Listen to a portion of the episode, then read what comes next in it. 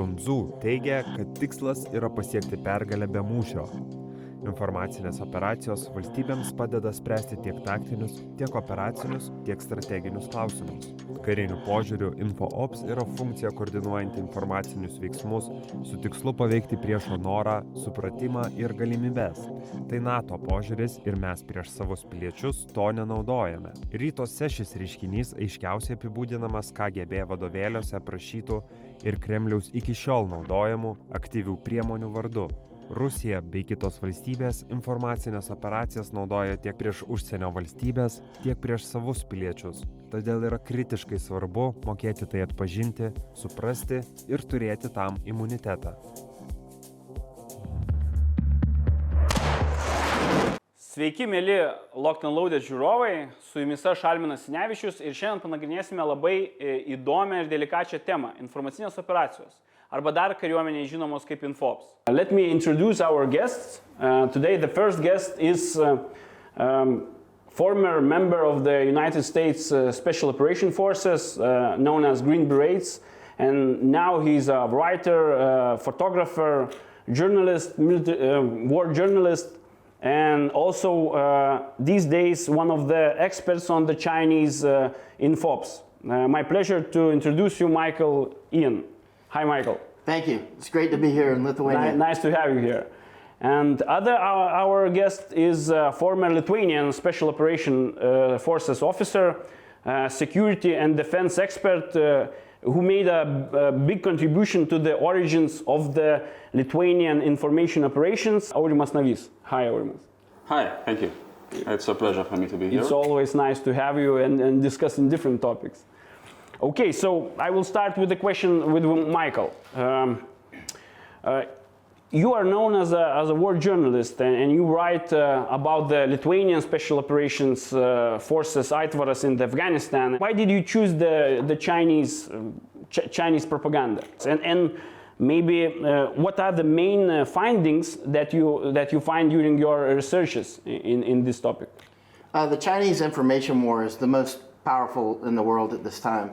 It's pretty incredible, actually. The more you learn about it, the more comprehensive you realize that it is. Uh, and so I've been in Asia for many years now, maybe more than 15. Okay. My office is in Thailand. Uh, I was kicked out of Hong Kong last year by China uh, for covering what they're doing on the streets. The I was in the fighting for seven months. Uh, In the Hong Kong, yeah? yeah, in Hong Kong. Actually, I had just been got a bunch of vaccinations to head back to India actually to cover some conflict there, and then the fighting kicked off in Hong Kong. So I shot over to Hong Kong, stayed there for seven months, and then they finally kicked me out. But uh, they should have kicked me out in the first week if they were really on their game. But you know, if you have a real serious information operations department. That's like having a department of the Navy or a department of the Air Force. It's really a powerful thing. If, it, if you've got a good ground game on information operations, you can cause countries to fall apart, fight each other, that sort of thing. For instance, one operation I've been covering since 2014 is called the Comfort Women Information Operation that China has been running. And uh, it's about World War II sex slavery. And this information operation is designed to split Japan, Korea, and the United States, that defense triangle. Actually, there's a defense constellation that includes Philippines and Okay. Australia and whatnot. But that defense, that part of it, that the, the, the center of it would be Korea, Japan, United States. And in 2014, 15, 16, I started publishing often mm-hmm. that this information operation has the power and will probably end up splitting apart Japan and Korea. And in 2019, it did, actually. It, the, this information operation uh, about World War II sex slavery has mm-hmm. caused Korea and Japan to mm-hmm. fight each other to the point that it made it into the courts. And in 2019, there was a court decision in Korea to uh, force Japanese, huge Japanese corporations in Korea to pay reparations for World War II uh, issues, right? So in 2020, this continued to bubble up, and now they've pretty much diplomatically split, all based on this information operation. Maybe you have some more examples of, of this, for example, the slavery, yeah, the Yeah. World War II. Another one, that's the most effective one. There's others that are quite effective as well. Because I, I think that the big big picture or the strategic is quite quite big. So there is a lot of uh, activities. One of the things that they're doing now, CCP, Chinese Communist Party, Okay. is to split Japan apart as well. And so they're focusing right now on Okinawa. I communicate with people in Okinawa every day. I deal with Japanese seven days a week on this issue. What they're trying to do, Okinawa is sort of like the Texas of, of, of, uh, of Japan, right? okay. And so they've got their own history and that sort of thing. So what Chinese Communist Party is doing and leftists in Okinawa, they're trying to get Japanese to speak an old dialect, which has been gone for a long time. I mean, there's farmers can speak it and whatnot. So they're putting this old language dialect on elevator buttons, on bank ATM machines. When the government starts their meetings in the morning, if it's a public meeting, they'll start with old dialect language that they haven't spoken for years. Okay, okay. I was just in Morocco a couple of weeks ago before I came to Lithuania. Mm-hmm. And in Morocco, you'll notice there's road signs sometimes written in three languages. It'll be English, Arabic, and then there's this other strange language there. And I thought, hmm, this is probably an information operation. It is. There, it's Berber, but Berber is actually a constellation locals, of. yeah. Yeah, and so, but there was never a written Berber language, Okay. and so there was a big uh, information operation to make it make it written, get it put on the road signs. So they instead of using Arabic letters, they used like it looks like two Furby computers talking with each other. It's like triangles and that sort of thing. So, but that's not the point. The point is, to So try- Michael, can you please conclude that like with uh, with three main findings that you find uh, when you start the searching of or, or the or, or all, all your uh, research about the Chinese propaganda? Main like okay, there is a strategic, yeah, I, I, like I heard, yeah. The, the ultimate target clearly is the United States. Okay. Clearly. And uh, to get to the United States, taking out the relation, that defense triangle is Mm-hmm. very important because Japan is a vital partner for the United States in the Pacific That's region. yeah, yeah. And so they use a divide and conquer strategy. And so they're constantly trying to get people. Right now, for instance, Black Lives Matter is Okay, picking up okay. in Japan, and there's yeah. no there's no Black lives to defend in Japan. So I mean, it's the same it's the same tactics and strategies and just applied locally. Yeah. I see that I was just down in Colombia in South America, same thing, trying to get people to speak their own languages. Okay. I was just in Panama, same story again. Okay, thank you, thank you. Okay, uh, Aurimas, uh, so the next question. You were standing at the origins of the Lithuanian uh, in PSYOPs, maybe, yeah, in the Stratcom. So, uh, what, uh, what are the military uh, infops? Could you please define for our viewers? If you ask me about Russian infops and uh, of course, and fighting with the with the Russians and political ones, so there is no difference. Mm-hmm. Uh, beginning from I think 2008, it was academic uh, Alexander Selivanov mm-hmm. who just uh, wrote a book, and uh, it's called uh, "Информационные противостояния," or it's in English would be "Information." counter counter information operations. Okay. Good. Okay.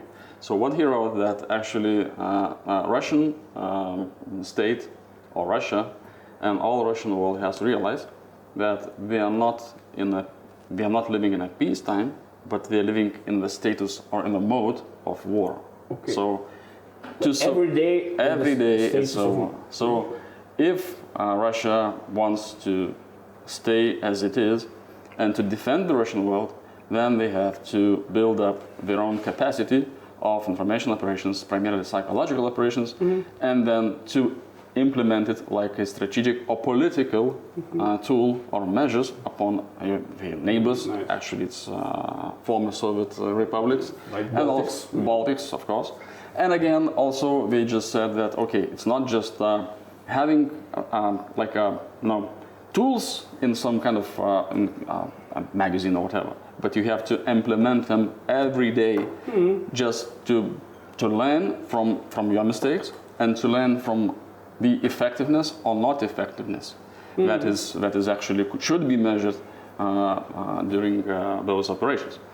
The first one that they've uh, did is uh, in Crimea, Okay. and I mean 2014, yeah? 2014. Actually, it started 2013. Okay. All the military, stu- military, or not military, but just tourists that were coming Oh, yeah. to, to Crimea, what they are doing at that time, then they're just inspiring uh, hatred to you know other people than Russians. So what they're saying, we're saying, that look, Ukrainian government, you know, they're just doing a bad thing. what they're doing are just you know uh, uh, we're not allowing Russian people to have the uh, um, language in Ukraine, especially in Crimea. Of course, it was total nonsense, but this uh, the word has spread widely. Fake, fake news. Fake news because why? Because it was not uh, not translated just from military network, Yeah. but also in Russia, in So Moscow, It's like a in Kremlin. shaping cooperation, you know? Exactly. the- in NATO, in NATO, in in NATO, NATO, in NATO language, terms, that yeah. would be shaping operations. Yeah. So we started this one, but implementing just uh, information operations. So Mm-hmm. hatred and then fear. Fear is very, very uh, strong uh, emotion. And it's not just simple fear of the local people, of local Russians, but also the fear of the Russian people in Russia. They were saying that, look, just it's a matter of time then uh, NATO, sorry, Ukraine will join NATO, and then NATO with Ukraine will attack Russia. Will attack Russia. And the only We will yeah. encircle the Russia Exactly. by the So that was the start of the, of the information uh, operation. So 2008 doctrine or a, or a book. 2013, five years later, all the things that were in that book were started to implement, uh, uh, been implemented in Crimea's war. So there is no difference uh, in Russia's uh, fighting uh, machine. Civil or political information operations The same or for- military, there is no absolutely difference. There's the same one. So, uh, because the the idea that Russia as a state is always constantly in a war. It's not in a peace. It's not the peace, but the war, which is a normal state of Russia. and they, they I, I heard that they use the infops or psyops on the on the their own people like the like for, for in NATO or the in US we, we didn't the, the military cannot use the psyops operations against their population and so the next question uh, what what uh, gentlemen what uh, we have some uh, differences or, or the uh, between the Russian and Chinese uh, propaganda or the information operations. What you can um, please maybe. Yeah, I think uh, can- I, I, what- what we can find. I am not the uh, expert on Chinese information operations, but I think what they have, um, China and Russia, both in common. Mm-hmm. They now, I mean now, I've told about 2008 and then 2013 and 14, but now what they see that they're implementing, uh, and actually we've talked about this with Michael, they're implementing the same principles that uh, kind of uh, cults have, or no, the cults of, of kind of uh, religion. I'm not uh, saying that religion is a bad thing. I'm just saying that religion is a very good at brainwashing people. So China and Russia, I believe, they have the same very good skills, especially in the GRU, uh, it's uh, military intelligence uh, of Russia. They have a special unit there. It's psychological operations unit of GRU. So actually, I believe that uh, they somehow they train together. Maybe not, not maybe directly, but obviously they, they have the, the, the military exercises together. They, they have some kind of interaction together because look in 2019 I think they have uh, in Baltic Sea Chinese and they're uh, kind of uh, not very big but uh, I just forgot. I think destroy it was a destroy I guess in the Baltic Sea. So what is the reason for uh, for China to, send send here- a military ship a vessel to the Baltic Sea? What, what's your opinion? I don't know but I think it's they, they, they are learning from each other. They, they have uh, like enemies, the same enemies like states, uh, NATO, yeah. So maybe also is quite uh, common, thing for them. Michael, what do you think? And remember, they have their own NATO as well, the SCO, Shanghai Cooperative yeah, Organization. yeah, that's Most correct. Americans don't even know that exists. a, a substantial difference between Chinese information operations and Russians is just mass. I mean, Chinese have they have a lot more money. Like they can shovel gold by the ton, so they pr- practically own um, Hollywood at this point. And many of our, for instance, professional basketball, they've got those guys on their knees. Um, Yeah, I I, Mm-hmm. I- I wrote an article several years ago, uh, uh, "Man in the High Castle," and uh, in the 1930s, Nazi Germany practically owned Hollywood because of something, uh, you know, because Germany was the second biggest market for American films at that time, right? and right. so, it, so if you wanted to really make the big bucks and be a big house in Hollywood, you needed to make the Nazis happy. So the Nazis had censors in Hollywood, as Beijing does today. The, the, the parallel is striking. And but today, for instance, uh, uh, I mean, if you if you want if you want your film to, to run in Beijing, you will be edited by Beijing, not just on that particular film, but comprehensively on all of your actions, everything that you and your children do. I mean, if you're the producer, if your child puts something on Twitter that they don't like, you'll hear about it. I mean, this is they don't play games whatsoever, and they're uh, they're dominating. I mean, there a lot of American actors and actresses are, are complete in in uh, you know NBA and whatnot. The National Basketball Association players are just completely afraid of China. They're in the pocket of, of China. They're in the pocket or they're afraid of it. Right. Yeah, it's it's pretty pathetic actually. At one point, Bruce Willis asked me about doing a movie about my life, right? And now he's going, which we didn't do, it didn't do the book. But then now he's gone off to China and he's made a movie, which amounts to an information warfare campaign movie.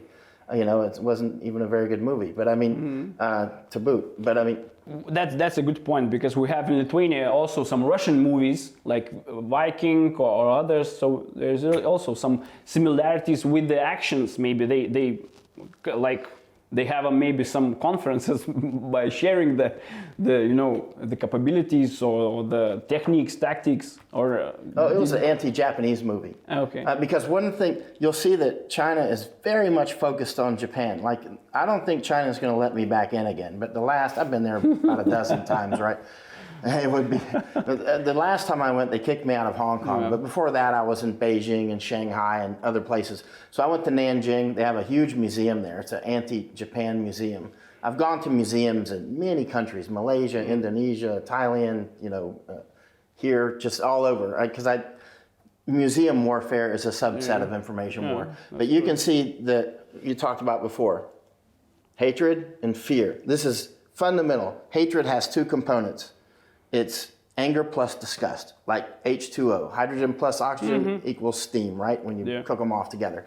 It's the same with anger and disgust. You'll get hatred. And if you mix hatred with fear, your people will be willing to go to war. Absolutely. And That's you can see a very deep and comprehensive ground game against Japan. I keep warning Japanese that they are creating hundreds of millions of, Jap- of Chinese who hate Japanese. This is a serious thing because when you're watching information war, that's a presage to what they're planning to do with something else in the future, right? Like there's definitely some similarity. When you're talking, I, heard some similarities with the Nazis, with the German Nazis during the World War II. Absolutely. Before before the Absolutely, because you've got to. Most people are not them, willing to go kill somebody. Most of us are not willing to do that. In That's fact, right. we'll defend people that we like, right? And so at least uh, won't attack people we like at a minimum, right? And so you have to create that hatred and that yeah, fear. in, in the people. yeah. And, and so you see museums, for instance, that are just really throwing acid on the Japanese character, trying to make the Chinese and the Koreans hate them. Okay, thank you. So, uh, do the Western countries or the NATO, the US, do they uh, conduct the propaganda or the psyops? Um, what is the differences like uh, between the Western countries and the Chinese and Russia?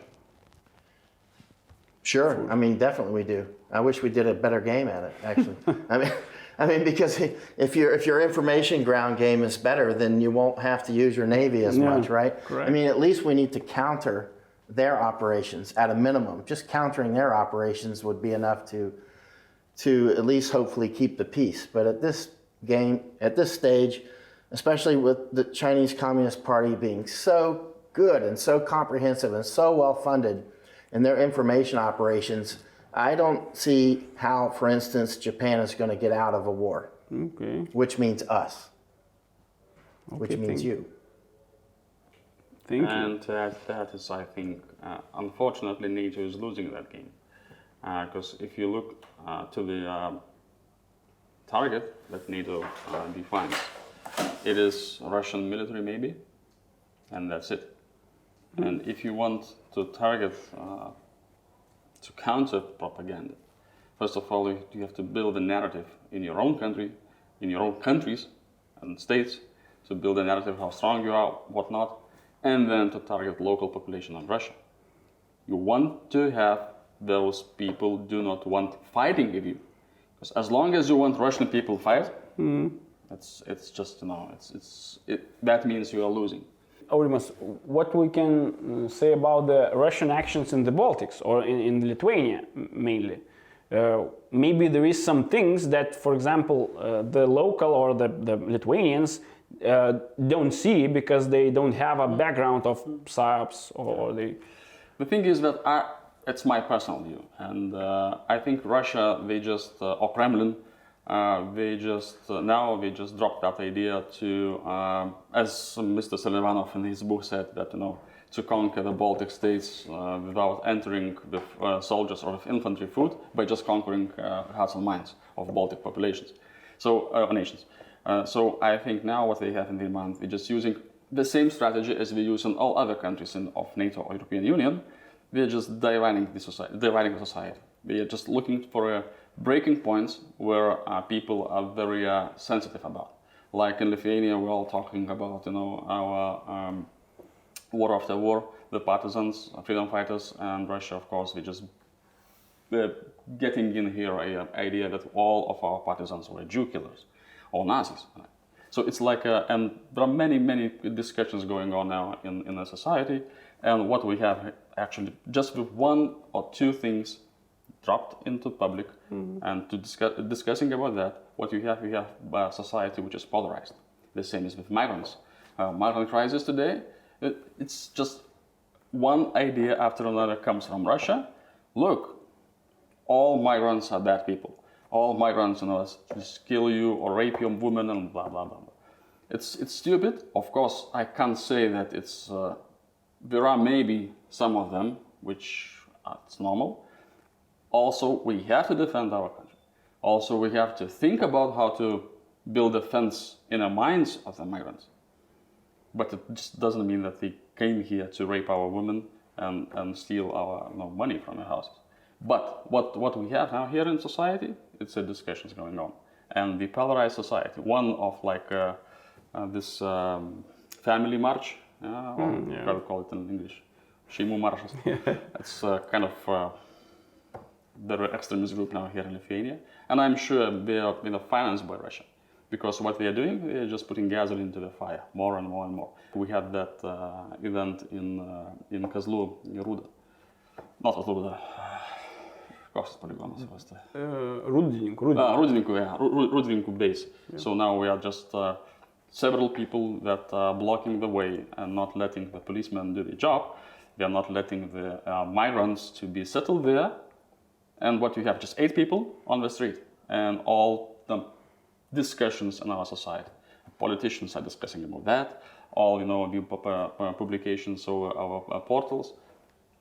So what happened actually, just few people blocked the way and the police just removed them. That's it. Yeah? But in the information sphere, it's just crisis happened just in Lithuania. Not just migrant crisis, but it's just a big part of a nation actually is not happy about that, right? So it's a simple thing how Russia is working here in Baltic states, and I believe in, uh, in other countries. Can I mention something about? Sure, you, sure, you Michael. mentioned something very important. Uh, as as a war photographer who spent years in wars and other many other years in major protests and minor ones uh, around the world. Like I got kicked out of Hong Kong last year after seven months. One thing that I've noticed is that eight people you said at that protest, right? Now, I'll guarantee you the it's important that our people be vaccinated against information war, right? So I'm going to give you a vaccination right now against information war. When you see photography or videography and it's very tight on the people, or they're just burning something, because cameras always go to fire, right?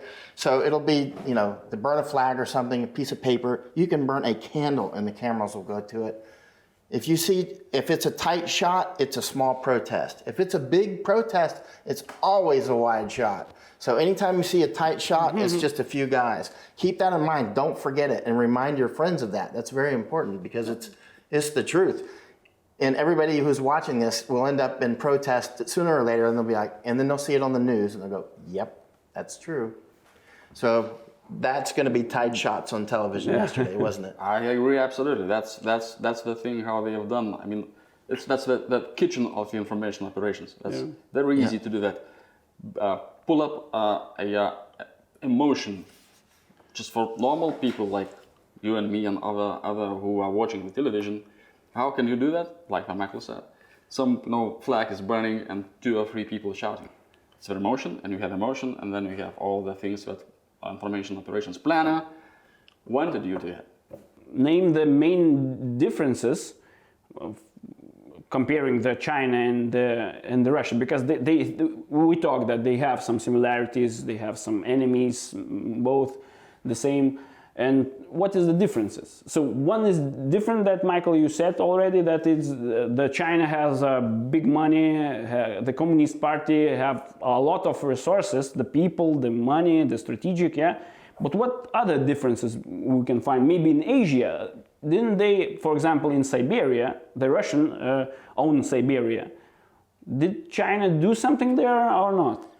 Uh, or some Actually, other? let's talk specifics that I'm sure you have here in Vilnius Confucius Institutes. Mm-hmm. Confucius Institutes are just an extension of MSS, which is Ministry of State Security, which is basically Chinese Communist Party, KGB, right? Mm-hmm. So, Confucius Institutes, if you have one in Vilnius, which you do, uh, that will be a spy factory. And so you'll have students that will be offered, listen to what I'm saying. You'll have students who will be offered scholarships to go study in China.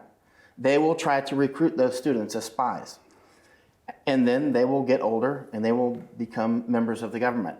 They do this constantly. I started attacking Confucius Institutes in 2014, trying to get those out of the United States with some limited success until our recent election.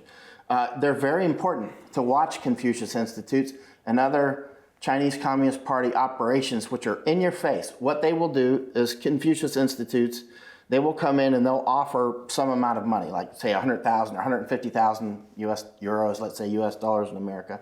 They'll offer, say, two free teachers for the university and a Mandarin course and a Chinese history course. And what they're there to do is find recruits.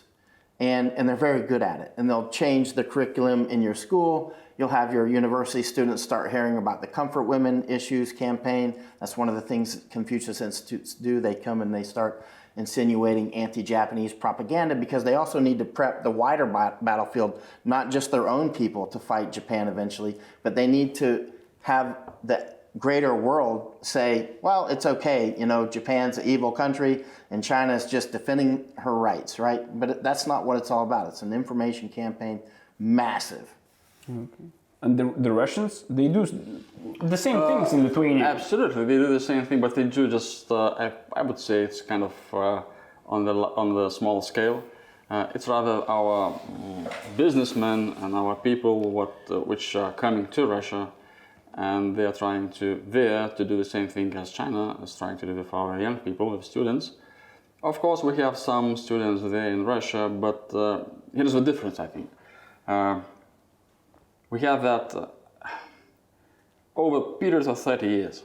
And because of the history of Lithuania, many people uh, here in Lithuania have, Lithuanians or other people, but in Lithuania, they have this uh, very li- live idea of Russia is be, of Russia be- being uh, enemy. So everyone is very cautious when they are going to Russia, and they know that it, they could become potentially the targets of Russian uh, uh, intelligence or Russian propaganda or Russian brainwashing, brainwashing there. So I think then our people going to China, they don't think about China as a uh, as an adversary, let's say. Uh, and if even if we would agree with Chinese uh, uh, intelligence or with Chinese state uh, um, offer, offerings or suggestions to do something for China here in Lithuania, but not harming Lithuania. So we probably will do because it's just it's China. We have nothing to fear about this. China is far away. They are bringing money here. Like I've just uh, recently talked with one guy. He's business businessman, and he runs a company. And he says, so it's very good if Chinese will come here. Actually, they come already, came already. But if they come here and they will have even all our harbor, Klaipeda harbor, uh, you know, uh, they would invest money in there. And they say, no, it's not good.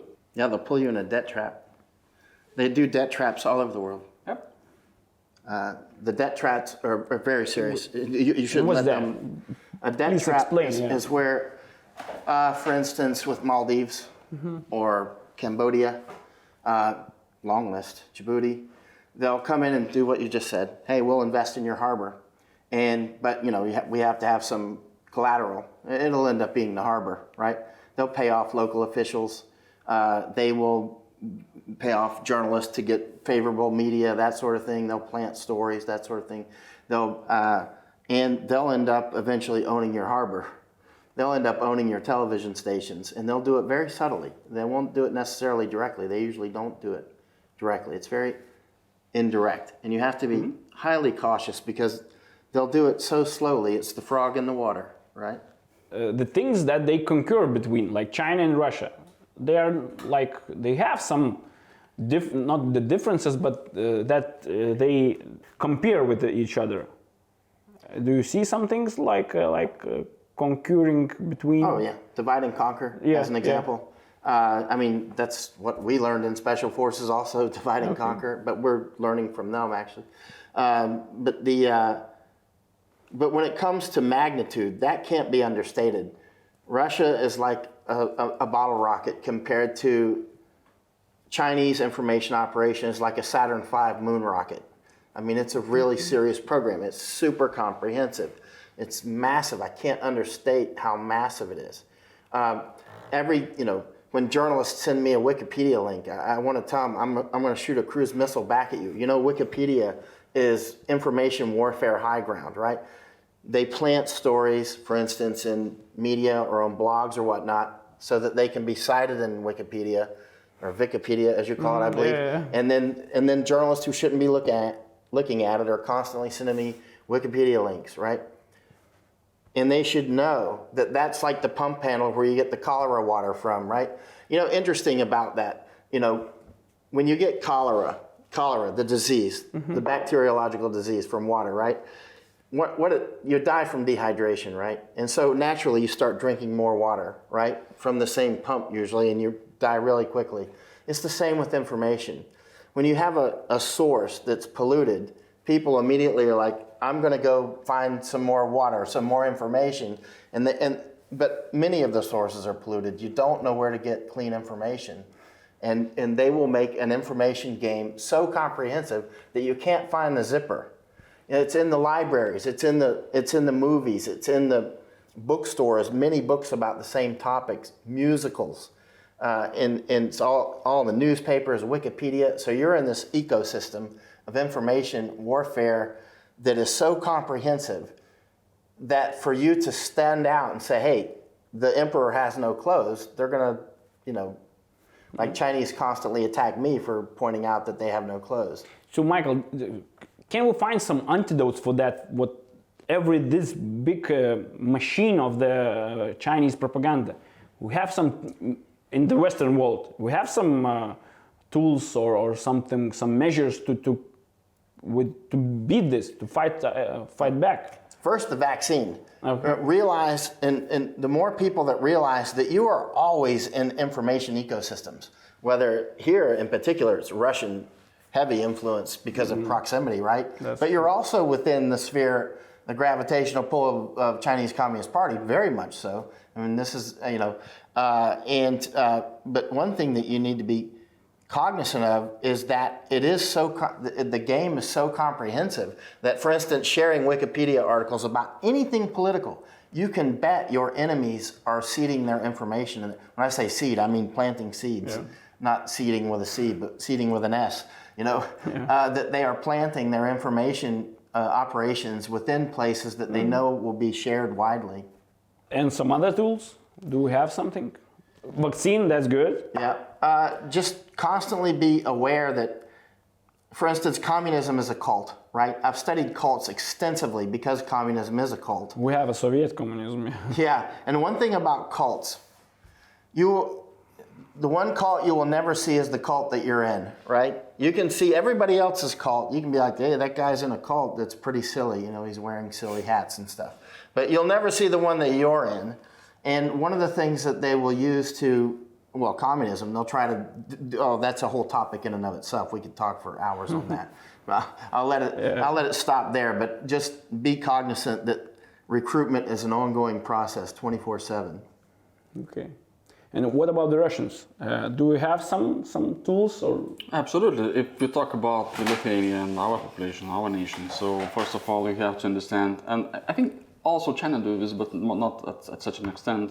Uh, Russia every hour, every day, they're trying to Kremlin trying to try, tries to rewrite our history. They're always repeating that. We never have, uh, we, we've never been a kingdom first, right? Then we've never have the, uh, our own sovereign uh, dukes and kings.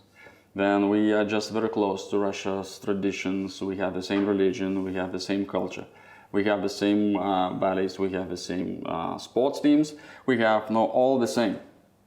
And then you think that okay, maybe, and actually 30, 40 years ago in, in Europe, in West Europe, that was actually the image of Lithuania, of three Baltic states, is just a part of Russia, right? Even in the States, it was just kind of strange Russians that they pretend they are not Russians. That's exactly what Russia was doing and doing is now. So they're trying to rebuild our narrative and our history. First thing, we have to fill in that gap. We, we just do not have this luxury to allow our enemy to build narrative for us. We have to build our narrative for our own state, but we are not doing this. So the first remedy, as Michael said, is to understand that you are always under constant bomb- bomb- bomb- bombardment of uh, information operations. The next one, that uh, you have to to know your history and to know what your identity. Without identity, it's very easy to be conquered by information operations made by Russians or by Chinese or whatever, whatnot. So, and the third thing, always, as they say, without uh, so you have a narrative. The third thing, you have to build your own up, your own information operations, and to launch the, the, these operations on your enemy. You can't just leave your enemy. No, it's very it's, it's the same military tactics. You just you just can't allow your enemy to do what he wants. So you have to keep him busy. So when you have your own information operations on psyops, so he is busy of you know doing things and counter uh, counter uh, fighting those operations. So three things. It's the the three quite simple things, but still we are now, and it's a long way for us to realize. I mean, for us, it's for uh, not just for Lithuanians, not just for Lithuania, but for all for all NATO. I, I think I, I could I could dare to say that because now we're just talking about you know defensive operations, defensive cyber operations. Because believe me, I, you know that, that information operations is also cyber operations. That's a huge part of it that we're not covering here, but it is. And you know all the defacements that are going on on the portals, all the Facebook things, all you know uh, fake fake uh, profiles and all those things. Uh, they are not just you know some kind of bad people writing bad things. They're just deliberately done and impl- implanted into our because you know it's Facebook. It's a it's a machine. It's a mm, marketing machine, but you can also do it or apply it to the information operations because, in a sense, commercials targeting you as a as a victim of uh, the one who will be spending money. Just states like China and Russia, we are targeting you not to spend money, but to conquer your mind and, and heart to just you know support the Russian regime or just do what they want. But gentlemen, still, uh, is it possible to respond to the like the big state-run informa- infops, all the in- information operations? Uh, because, like Aurimas, like you mentioned, the the measures like from the cyber to the direct actions on the ground and, and all those things by only by mean of communications or it, is, it is possible you see of course maybe the, the whole nato should, should work like shoulder to shoulder That's what I'm saying. okay That's what I'm saying. yeah Offensively. Because the- offensively, offensively. Because that's very important. Yeah, to play, make them invest a lot in their defensive game instead of us just playing. We need a defensive game, of course. We need the vaccine, but we also need to play super offense. And they all, they have a lot of vulnerabilities as well. Uh, China has many uh, ethnic groups, and we can play the same game with them that they play with us. Uh, we can, and, and but we don't. We don't play. We don't play hard enough. but it's not democratic. It's not the liberty and you know the free. Everybody's you It's know tho- war. those. It's straight up war. We're at war. we need I to mean, understand li- that Yeah. the political politics should understand this. yeah. Oh, I think they do, but the- Not everybody, I think. But uh, I mean, in, in a general sense, Okay, in, in uh, in, uh. Western Europe, they do understand. Let's just take the Nord Stream 2.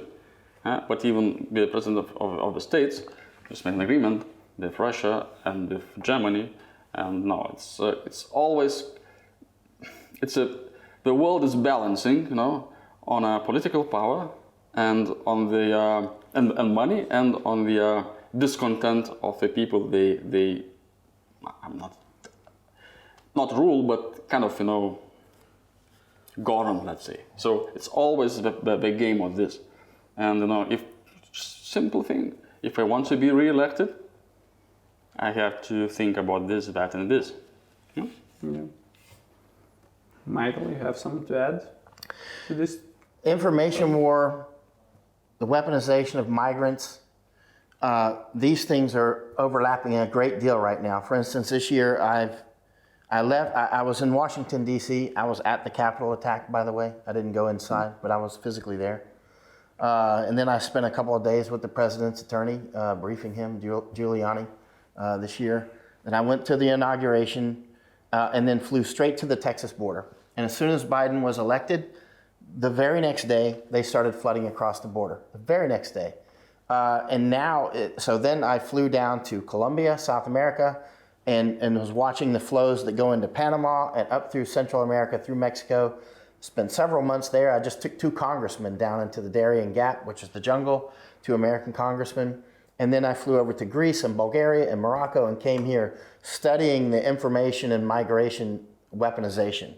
Th- these things go together. I mean, flooding the United States with migrants right now is even worse than Europe right now, which is pretty tough.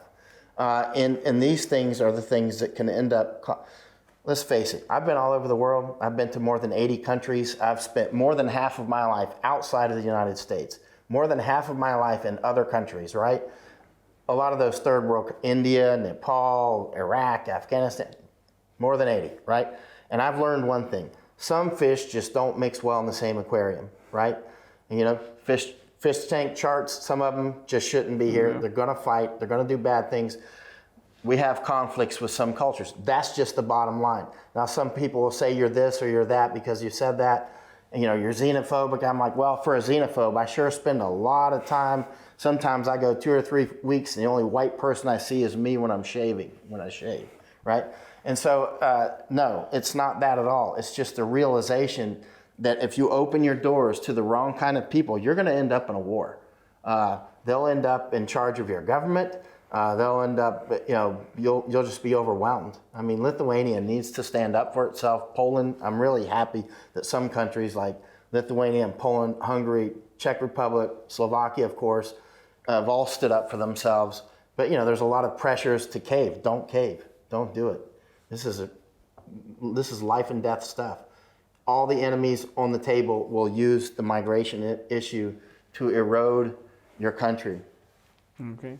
And but still, uh, where is where is the line between uh, uh, between the uh, deterrence and and the uh, dog and pony show or the the pokazukha, like the Russians say that. so where's how to, to find the li- line between those? Like you can you can talk a lot of, but uh, it, it's it's not in the like um, maybe the, the, the words uh, should go with the with the works, like together. Uh, you mean on migration issues? No, Or- or- on migration and all in all in this uh, uh, information operations. Uh, for starters, known information operations like Confucius Institute, shut them down. They should not be in Lithuania. That is a recruitment tool for the Ministry of State Security. That is the Chinese KGB. You got it right here in Vilnius. They're here to recruit Lithuanians. I will guarantee you, I don't even have to go to the physics and engin- engineering departments of your universities. I know they'll be filled with Chinese. They're not here just to study physics and engineering. They're here to take your laser technology and to take it back to China. And then your steal it, patent, your patents, what's, To steal, to steal. Exactly. Your patents won't matter, right? They don't pay attention to patents. They don't pay attention to American patents, Japanese, nobody's patents. Intellectual property means nothing to the Chinese Communist Party, and they've got the the industrial capacity to to actually do something. Now, Russia can steal your technology, but they don't have the base to just overwhelm you, right? China does. China's got the ability to steal your laser technology and put you right out of business. So your scientists who worked very hard to develop something that's very important, uh, it'll just be stolen. And what are you going to do about it? Okay. Michael, please give a list of the of the work to do for our government.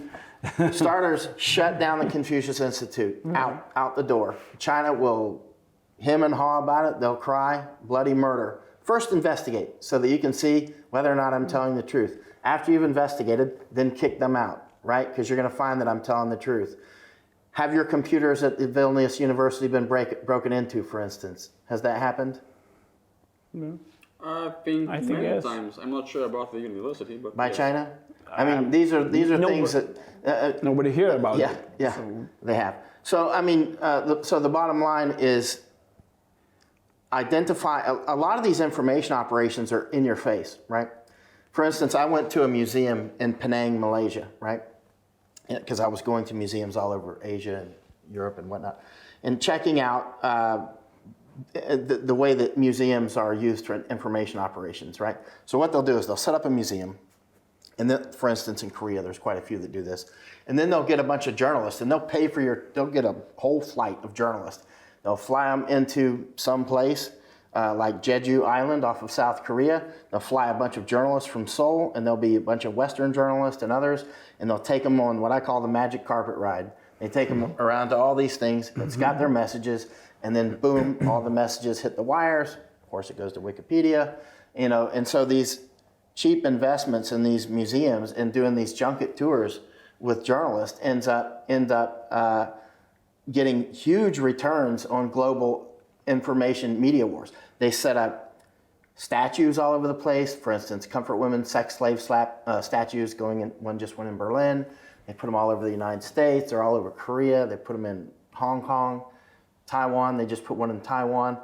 Little things that get big media, and watch for those things, and don't let them be put into Lithuania because then they'll use you as a battleground. Yeah, that, that's pity that uh, in Lithuania we react to the Russians more uh, than to the Chinese. Uh, some actions in here in Lithuania. I think it's not a pity, it's just a, a reality. We don't see China as a potential adversary, uh, as an enemy. We see Russia as an immediate enemy that is actually threatening our world, our, our state, our people. We have Uh, but- historical experience yeah, with the but with China, they are so.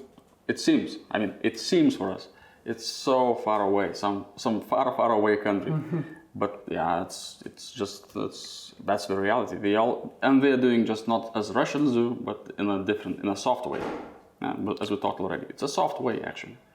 It's a really, really slow and very soft way, but it's nevertheless even maybe more dangerous than the Russian propaganda because we know that Russian propaganda is here, that Russian information operations is here, and we just used to the uh, the way how Kremlin does that, and we used to somehow, especially now, we have very uh, many different programs that uh, you know uh, are financed by government, financed by uh, NGOs, how to uh, distinguish uh, reality from the fake news, how to um, mm, look into information and see uh, if it's true or not. uh. But then it comes from China, and then it comes in the form of of not via direct communication, direct information. We just tend to just dismiss that. And as we mentioned already, the uh, the, the uh, project with our harbor, the project with a um, logistic terminal that they want to build up here for their uh, for their goods, like they have in Netherlands. You know, and they, what they're doing there or in Poland, actually they bring their own goods, then they make you know uh, mm, how do you call that um, a, um, etiquettes, uh, the labels of European Labels. Union Right. and they put on their goods European Union and then they dispatch to the whole Europe as a European Union goods and that means we don't uh, pay taxes and that means they are stealing from us again okay but it's a kind of soft way they are not threatening uh, China is not threatening us uh, directly. That's Yet. what I say. Yet. Yeah. Once they've buried in like a tick on a dog, uh, then they will. Once they have enough influence, then they'll start playing hardball games. Then they'll start canceling people. They'll start like getting your show canceled for having somebody like me on, as an example, which is actually a danger. It is actually literally a danger for you to have me on. Uh, so you'll air it or you won't. But I mean, uh, you know, again, they did kick me out of Hong Kong last year. You can see it uh, in Time Magazine and whatnot. Uh, but they, uh, China does play the long game. For instance, with Taiwan, thousands of Taiwanese companies are now situated on the mainland China. I mean, they're sharing blood flow. I mean, a lot of blood flow, not a few capillaries. So there's no way for them to just. There's no way for Taiwan to go. Oh, you know, we're just going to be Taiwan. How are you going to do it? It- Likewise with Hong Kong, Hong Kong, well, they didn't have m- many advantages at all except for their relationship, especially with the United States, as an ATM, basically as a bank machine. That's a way that China could convert uh, currency. Uh, but um, but insofar as natural resources, Hong Kong doesn't have enough food. They don't have enough water. They don't even have electricity, right? So I mean, they're just dead in the water. Uh, in any case, beware of China. They're they're the silent enemy. Yeah, they're here. Maybe you know who is actually stand uh, uh, under those uh, infops operations in the China, Michael, and in the Russia. agreements? Is it Organizations yeah. or NGOs or Okay, like yeah. And- some okay. names. We need some names. Okay, a name Ignatius Ding, right? Ignatius Ding is a is a is a sorry, he's a Chinese man who lives in Cupertino, California. He runs the Comfort Women and Nanjing rape of Nanjing operations and other information operations in the United States. One of my research partners, Al Johnson, he's the one who identified the spy on Senator Feinstein's staff. His name is Russell. Russell was a uh, Russell Lowe. Uh, he was a Chinese. He is a Chinese man. He was uh, Feinstein's driver for years. Senator Feinstein's one of the most powerful senators in the United States. He was going. Russell Lowe, the Chinese man, was going to meetings for Senator Feinstein at, for instance, the Chinese embassy. After he was found out as being a spy, he then left Senator Feinstein's office, which is what, two years ago now? And now he runs Comfort Women operations in the United States, right?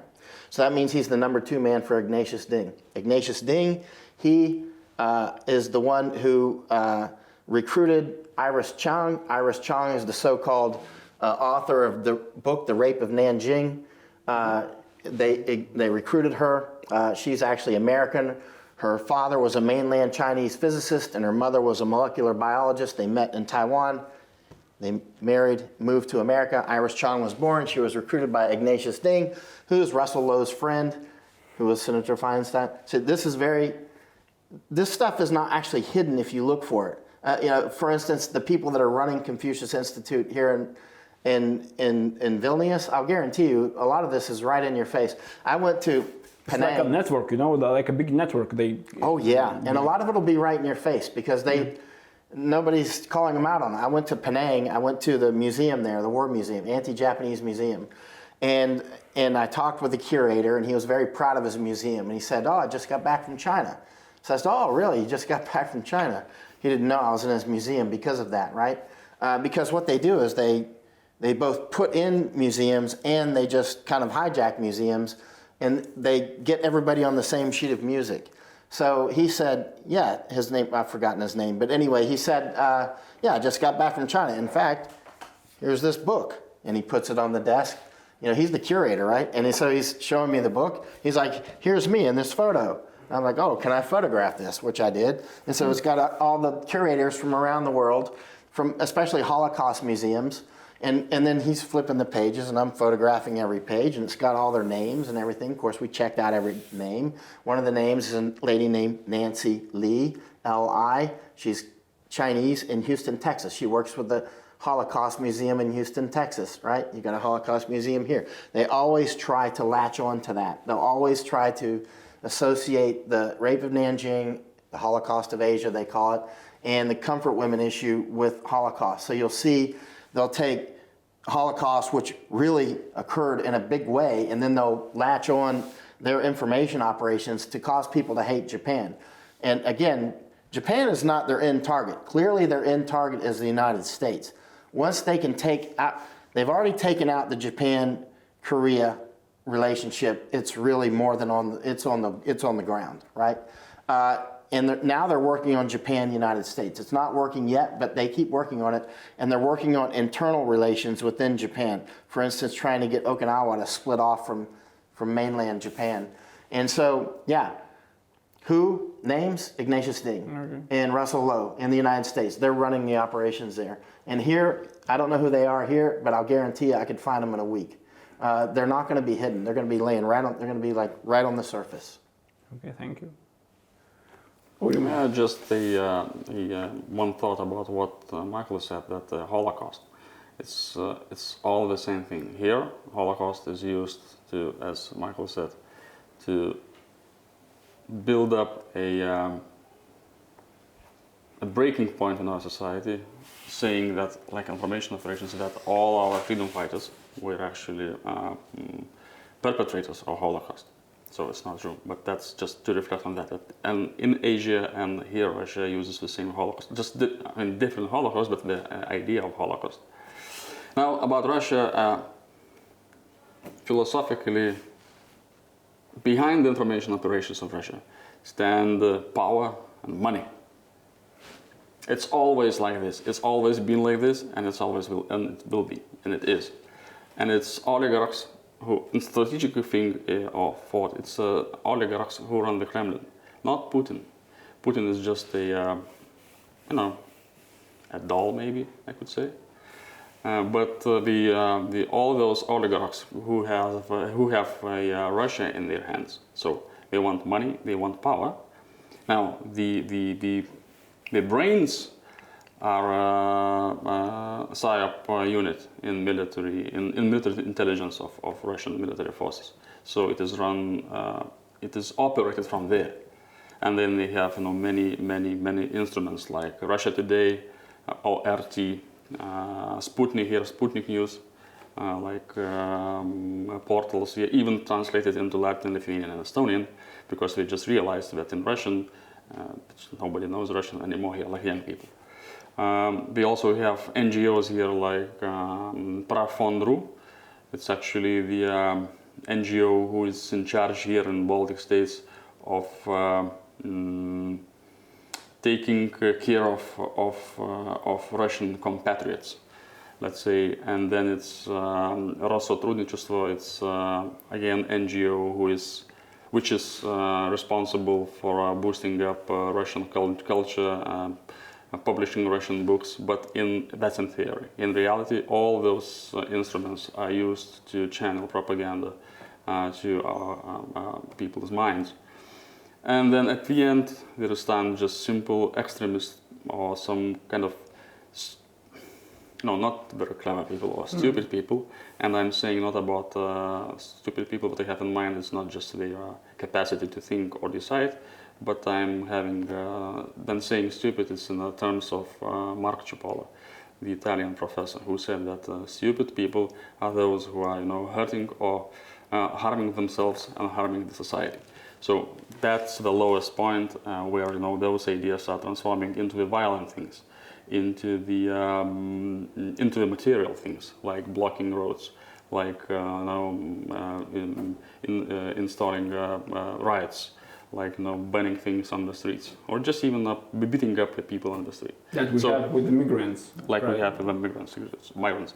So up there, money and power, oligarchs, then the brains, like military intelligence with uh, psychological operations unit. Actually, it, it was like in 2008 we knew that it was like 100, 100 men and women. Now it's I know it's it's of course it, it's just you can Google that. It's over 1,000, so it's 10 times bigger.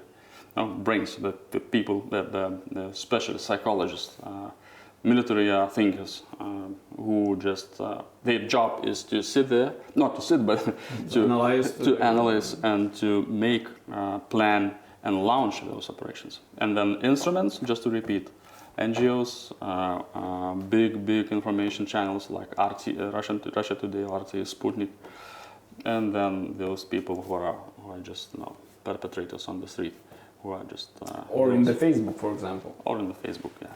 But always see information operation. At least what Russia does. Information operation operations at the end will always have a uh, material thing. It's not just an operation, like um, like uh, jet fighters flying over UK uh, uh, flagship in the in the in a, in the Black Sea, right? Like there are. mm, um, uh, tanks and, and, and the military exercises going on just in the Kaliningrad, just right next to our border. So they always will use a um, brute force and mechanical force, just you know, just to to support the information operations. Let's say it's not just stand standalone operation, like communication or uh, images. Uh, it's always should be backed by something, and by something I mean it's the real the, the reality on the ground. Nord Stream uh, to uh, gas pipeline. Uh, again, it's it's again information operation. Nuclear power plant in Ostravas, Ostrovets, that um, our neighbor Belarus built. In fact, it's not Belarus, a Belarusian one. The 10 billion US dollars were put into that nuclear plant by um, Rosatom, which is Russian uh, government, state government, uh, state-owned company. So it's Russian money. Oligarchs put that money into that power plant. It's not just simple power plant because if the what not they say that it blowed uh, just no it's some some something went wrong and they just put that into all the, the news channels. Just imagine what happened here in Vilnius. Okay, people usually they don't check up the information. They will react immediately because something went wrong in, in 30 kilometers from Vilnius in um, in nuclear plant. So Okay, thank you, gentlemen. I, I think that we have a very good discussion and very good facts. Uh, thank you, Michael. Yes, sir.